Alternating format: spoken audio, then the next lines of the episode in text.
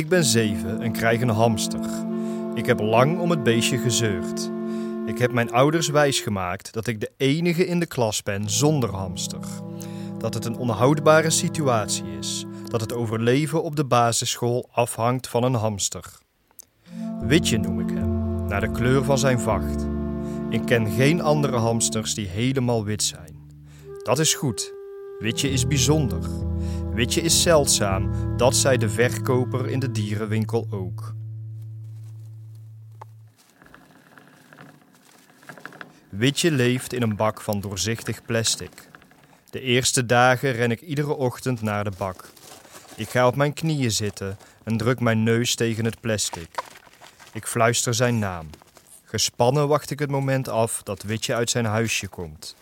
Piepkleine kraaloogjes, een snuffelende snuit, roze pootjes. Als we naar school moeten, baal ik. Ik wil bij Witje blijven.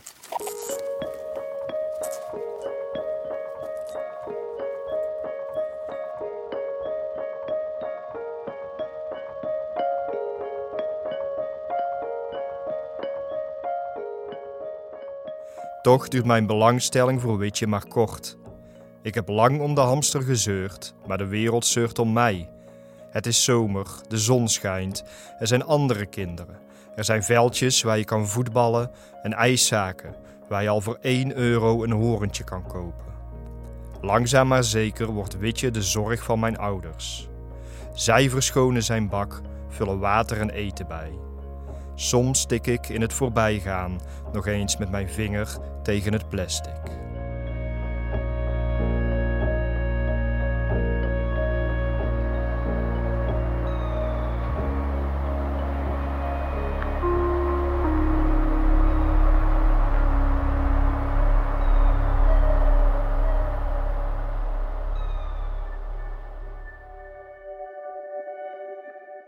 In mijn volwassen wereld leven geen hamsters. Hamsters sterven samen met je jeugd. Als ik een avond oude foto's terugkijk, duiken er twee foto's van Witje op. Op de eerste zit Witje op tafel. Op de tweede foto wordt hij beschermd door mijn handen, die als een kom om hem heen zijn gevouwen. De foto's zien eruit alsof ze in het voorbijgaan zijn gemaakt door iemand die zich niet echt interesseert voor wat er gebeurt. De beelden van Witje komen als een schok. Ik was de hamster vergeten en het verbaast me dat iets wat heeft geleefd en waar je ooit heftig naar hebt verlangd, zo gemakkelijk kan verdwijnen.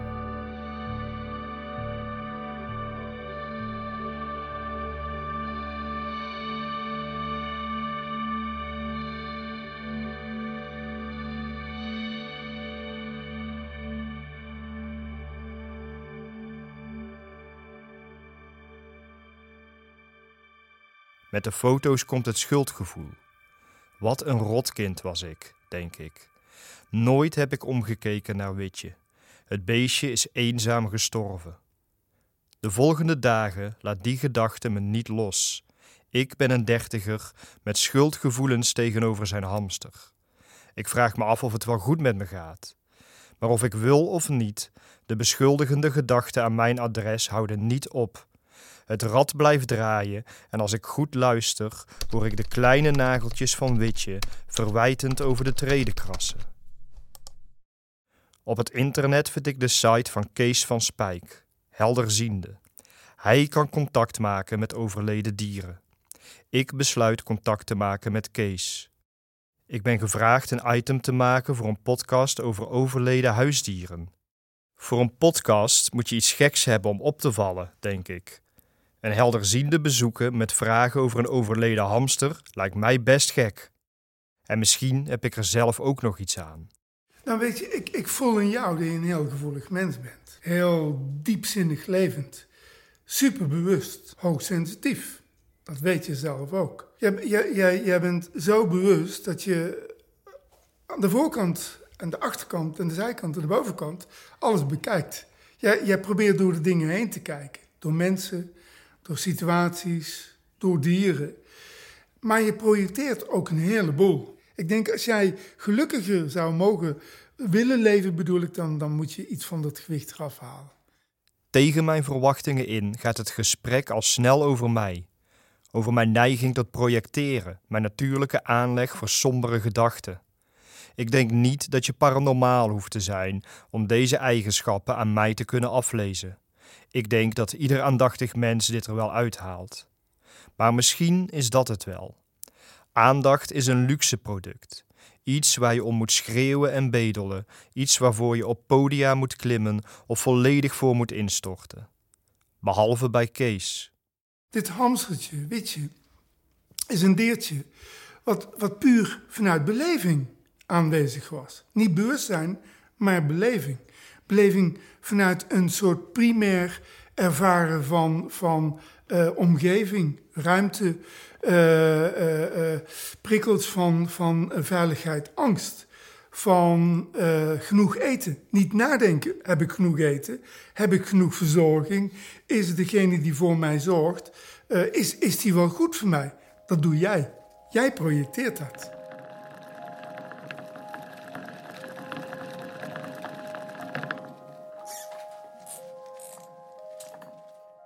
Mooi wit hartje. Zie je dat? Als je de foto omkeert, zie je een wit hartje. Dat is de liefde van dat eertje voor jou geweest. Want dat moet ik je nog even vertellen. Het heeft wel je liefde ervaren. Als je het knuffelde, als je er tegen praatte, als je ermee bezig was. Dat, dat heeft jou, dat raakte jou niet alleen.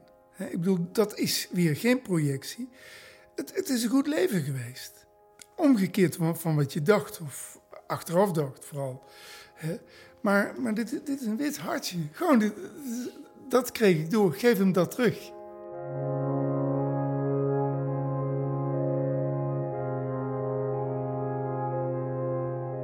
Trouwens, deze foto vind ik wel een mooi.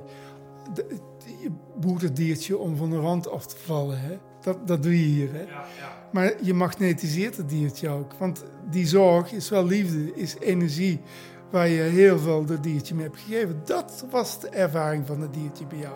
Dat.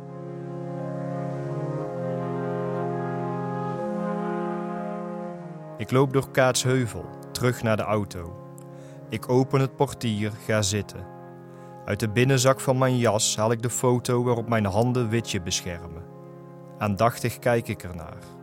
Mijn handen zien er vreemd en verlaten uit, veel te oud voor het kind dat ik was. Voor het eerst besef ik dat Witje misschien niet de enige was die te weinig aandacht kreeg.